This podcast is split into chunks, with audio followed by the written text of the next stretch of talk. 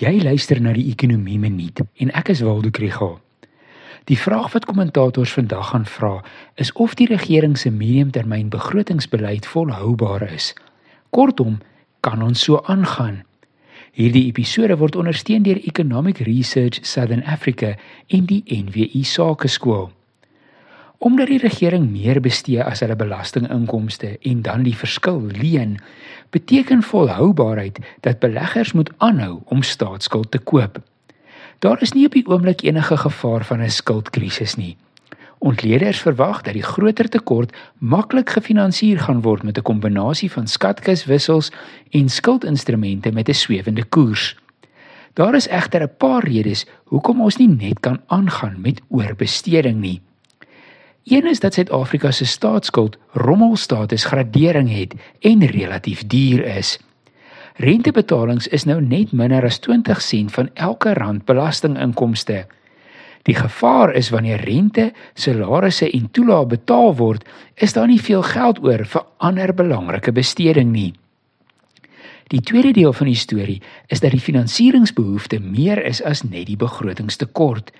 Die regering moet ook geld leen om ou skuld af te los of oor te rol en om van Eskom se skuld oor te neem. Om kopers te kry vir soveel meer skuld kan moeilik raak want buitelandse beleggers is die laaste paar jaar netto verkopers van ons staatsskuld en plaaslike finansiële instellings het nou baie meer blootstelling aan staatsskuld. As die staatsskuld nie net kan aanhou groei nie, is dit dus belangrik dat die minister geloofwaardige planne voorlê om besteding te stabiliseer. Ongelukkig het Februarie maand se begroting gewys dat wat die tesourier beplan nie alles realiseer nie. Byvoorbeeld het die loonrekening met baie meer gestyg. Die R350 per maand COVID-toelaag en die nasionale gesondheidsversekering is nie deel van die 3-jaar bestedingsraamwerk nie, maar as ander ministers praat, is dit oor 'n basiese inkomste toelaag en die implementering van die NGV. Openbare ondernemings het reddingsboeie nodig, maar as die minister van finansies niks daarvoor begroot nie, moet daar 'n ander plan op die tafel gesit word.